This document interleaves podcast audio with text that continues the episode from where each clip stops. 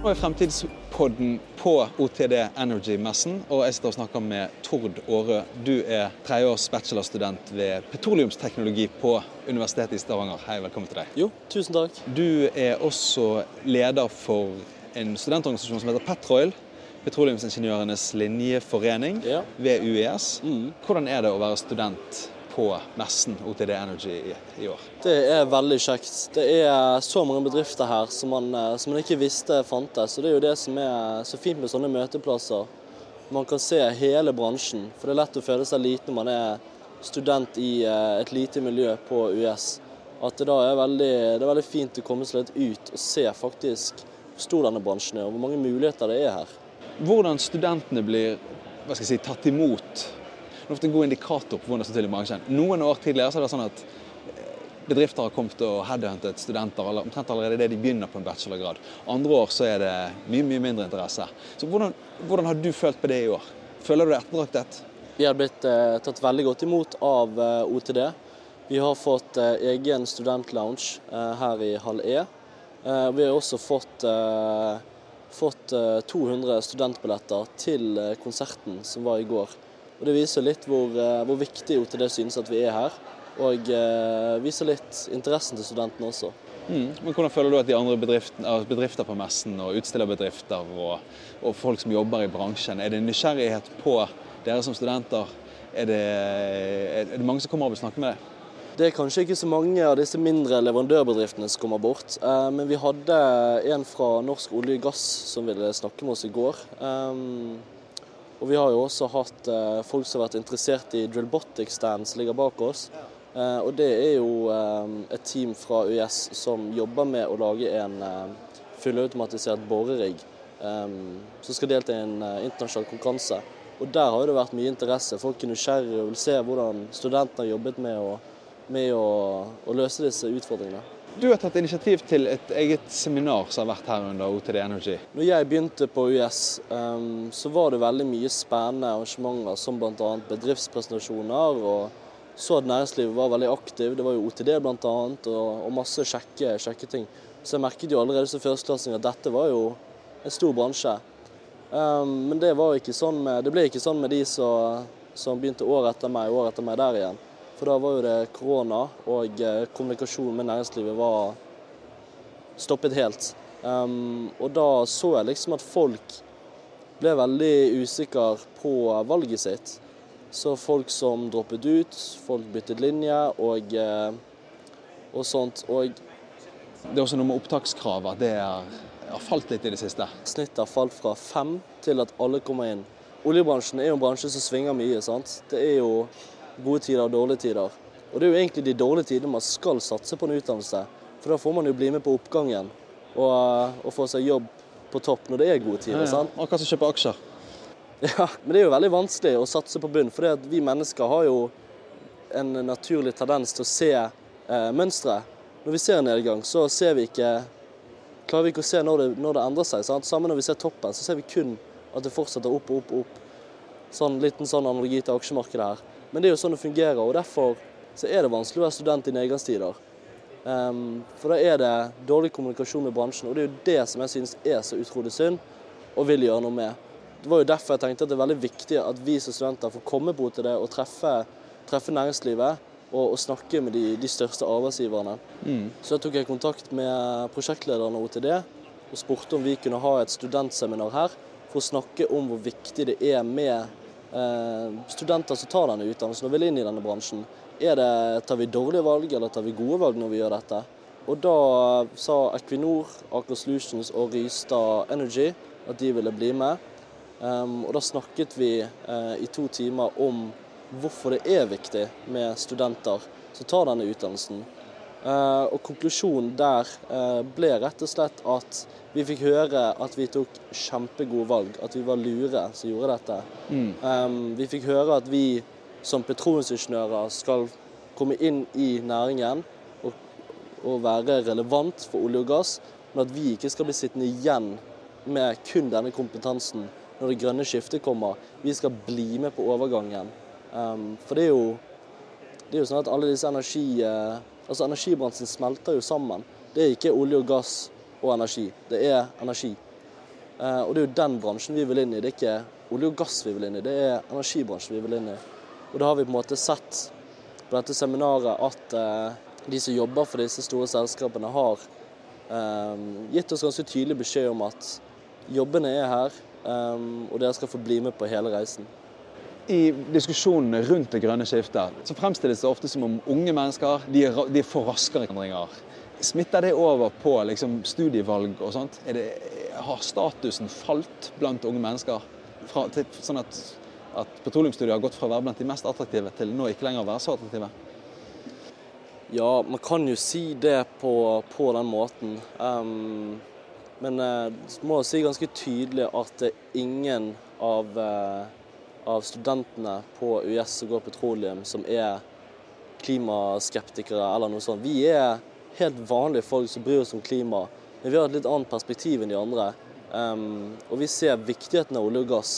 Um, senest i går så, så traff jeg på noen som var veldig imot uh, olje og gass og mente vi skulle stoppe i dag. Men hun gikk jo med, med sko og hårklemmer og og fleecejakke som var laget av, av olje. Um, hun tok jo buss på asfalt som er laget av olje. Og det er jo liksom det at jeg tror det er vanskelig for mange å skille mellom um, olje og gass som, som, brennstoff og olje og gass som går inn i petrokjemisk industri. For det, olje og gass som brukes til, eller olje som brukes til å lage, lage ting, sant? medisiner og så klær og alt som er, Uh, det forurenser ikke med mindre du ikke tar tar av, av avfallet på riktig måte. Og eh, jeg tror det er veldig viktig å få frem litt fakta på bordet i denne debatten, at det ikke bare blir følelser. Um, for vi er veldig glad i kloden vår, så vi vil jo gjøre det vi kan for å redde den. Men jeg kan trygt si at vi kommer til å nå 1,5-gradersmålet hvis vi fortsetter denne retningen vi har gjort til nå. Det lærte vi av eh, Jarand Rystad, som var med på seminaret, hvor han viste ganske tydelig statistikk på at dette kom til å gå helt fint både for olje- og gassnæringen um, og for klima. Flere av de jeg har snakket med tidligere i denne podkasten, har jo trukket frem betydningen av nytt talent og av eh, studenter, fremtidens arbeidstakere. Ikke bare for å holde liv i industrien, men også for å få til det grønne skiftet på en god måte. Ser du på deg selv som en del av, eh, av en generasjon som skal inn og, og forandre på, på, på ting i bransjen? Ja, jeg har lyst til å være med på det grønne skiftet. Jeg vil ikke være noe hinder for det. Tror de fleste tenker det, og tenker på samme måte som meg der. Um, vi ser jo også at Norge er jo uh, Med disse karbonskattene så har vi jo fått til veldig um, uh, produksjon med veldig lave utslipp. Uh, spesielt sammenlignet med resten av verden. Så Norge burde jo egentlig være det siste landet som slutter å produsere olje. Vi produserer jo den reneste um, oljen i verden. Så hvorfor skal vi da stoppe først, og så la Canada f.eks., som forurenser tre ganger så mye som oss, um, få de jobbene og den, den, økonomien. Hvor gammel er du nå? Er 22 år. 22 år, Så i en karriere som er minst 40 år langt fremover, da. Hva ser du for deg at du kommer til å Det er vanskelig å si nå. Hva skjer de neste 40 årene? Men hva ser du for deg at du kommer til å jobbe med i de 40 årene? Jeg tror alltid at det kommer til å være en viss produksjon av olje og gass. For vi trenger det til litt forskjellige ting som alltid kommer til å være der. Men jeg tror ikke at jeg nødvendigvis kommer til å jobbe med olje- og gassutvinning eh, resten av eh, min karriere. Men jeg tror at det vil være viktig, ganske viktig, i hvert fall de neste 10-20 årene, lurer jeg på om det er. Det finnes statistikk på dette her, så det går an å, sjekke det opp. Men eh, la oss si 10-20 år da, med olje- og gassutvinning. Um, og så har jeg veldig lyst til å jobbe med, med enten geotermi eller karbonlagring. Uh, for det er to temaer som jeg syns er utrolig spennende. Eh, for det er jo så vanvittig nytt, og, og hele dette konseptet er jo veldig spennende. Og det, det, er så mye nye ting som vi må lære der for å få dette bra til. Fortell hva du tror vi kan få til med geotermi.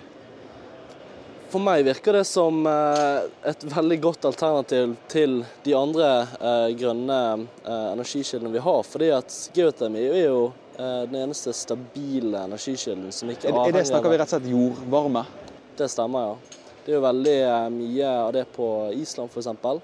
for de har disse varmekildene som er veldig eh, langt Eller si, kort under bakken, for å si det sånn.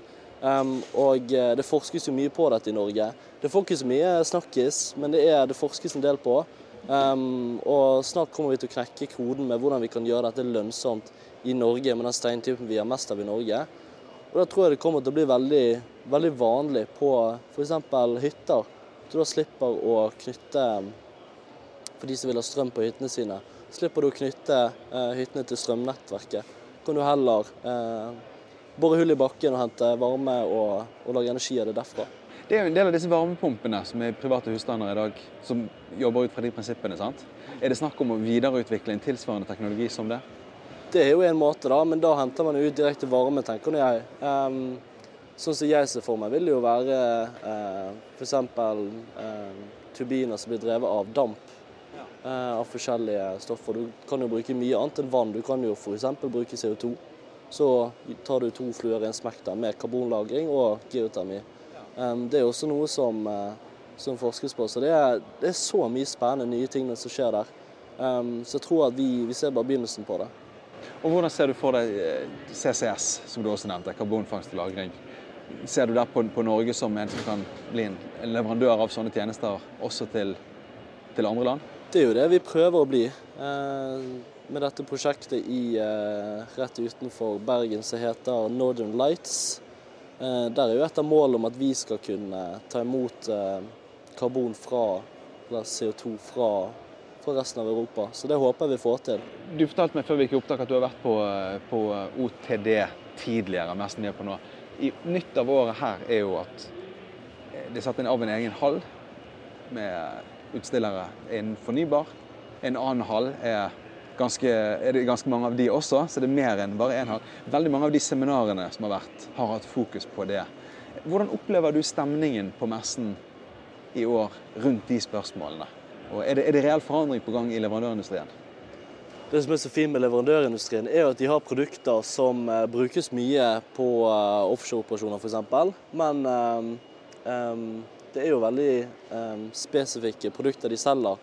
Og olje- og gassnæringen er jo én kunde av de. De har jo flere kunder også.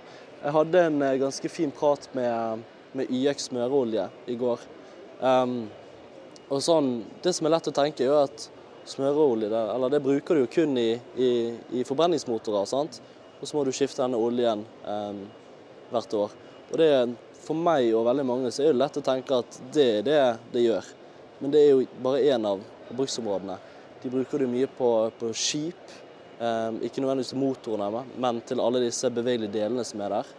Um, og nå når de ser uh, en nedgang i salg av, uh, av uh, av tradisjonelle motorer og over til eh, eh, elbiler, så ser de også at de, de øker salget på det fordi at de trenger eh, den oljen de selger for å kjøle ned f.eks. transformatorer og diverse der. De trenger smøreolje for å smøre bladene på vindmøller. Så det som er veldig kult, er at du ser på en måte at, at uh, den ene kunden deres trenger mindre av smøreolje, men en ny kunde kommer som trenger mer av produktene deres. Så jeg spurte de rett ut. Eh, så dere kommer ikke til å se noe, noe endring i salg de neste 30-40 eh, årene relatert til det grønne skiftet. Og da sa de direkte nei. Det gjenspeiler egentlig mine, de samtalene jeg har hatt med veldig mange bedrifter. Det, det er ofte motsetningsforholdet som innimellom settes litt opp i den offentlige debatten mellom fornybar energi og fossil energi. Eksisterer ikke til samme grad i leverandørindustrien. Det handler mye mer om at man ser en mulighet til å utvide nedslagsfeltet.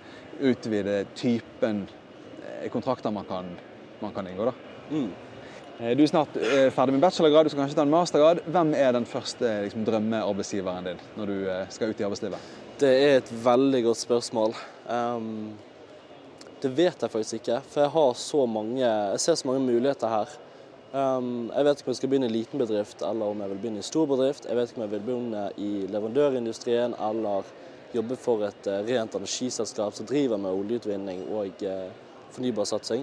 Um, det er et godt spørsmål. Um, Men Hvis du gir et par eksempler da, i de kategoriene du nevnte nå, på konkrete selskaper som du tenkte der hadde det vært kult å starte karrieren? Først og fremst, Det som er viktig for meg, er at jeg jobber for et selskap som uh, som har også en fornybar portefølje. Altså at de, de, de, vet at det grønne skiftet kommer, og at de skal være med på reisen. Um, så det er det viktigste for meg, egentlig. Er det et perspektiv som du opplever at medstudentene dine deler? Er det sånn at selskaper som ikke er fremoverlente på de spørsmålene, er dårligere stilt i rekrutteringen? Ja, til en viss grad. Det tror jeg. Hva annet tenker du selskapene bør gjøre nå for å være mest mulig attraktive for, for, for, for eh, fremtidige arbeidstakere? Da tror jeg det viktigste er at dere viser eh, at dere kommer og treffer studentene. At dere gjør dere selv synlige, at dere forteller hvem dere er. Um, fordi at uh, Her på Forus i Stavanger for eksempel, så er det så mange bedrifter at det er vanskelig å få oversikt over alle. Uh, og Da tror jeg det er viktig å benytte anledningen til å ta kontakt med universitetet eller ta kontakt med linjeforeningene. Um, og rett og slett spørre om dere kan komme og treffe studentene. Snakke litt om deres fremtidsplaner. Um, snakke om at dere skal ikke ha en, uh, en nedgang i, i selskap fremover. Dere vil heller være med på den grønne, på den grønne reisen og heller øke omsetningen, istedenfor å heller henge igjen i det gamle. Du, La oss avslutte der vi, der vi startet, nemlig med seminaret ditt om frafall blant studenter, og få prøve å demme opp for det, hvis vi oppsummerer det. Lyktes du med det? Følte du at seminaret ga uttelling og får studentene til å bli? Ja. Fikk veldig mange gode tilbakemeldinger på det. Spesielt de som går uh, førsteklasse i, uh, i petroleum nå. De jeg tror det var de som trengte å høre det mest. Eh, for de har ikke sett så mye til næringen eh, siste året. Og, og, det er jo veldig viktig at vi på en måte opprettholder denne kontakten og kommunikasjonen.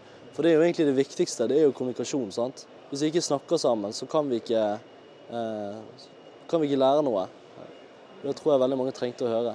Hva var den viktigste tilbakemeldingen de studentene fikk fra de andre du hentet inn i panelet? Jeg tror det var når Jaran sa rett og slett direkte til oss Jaran Ristad sa dere er veldig smarte som tar dette valget og går litt eh, motvinds.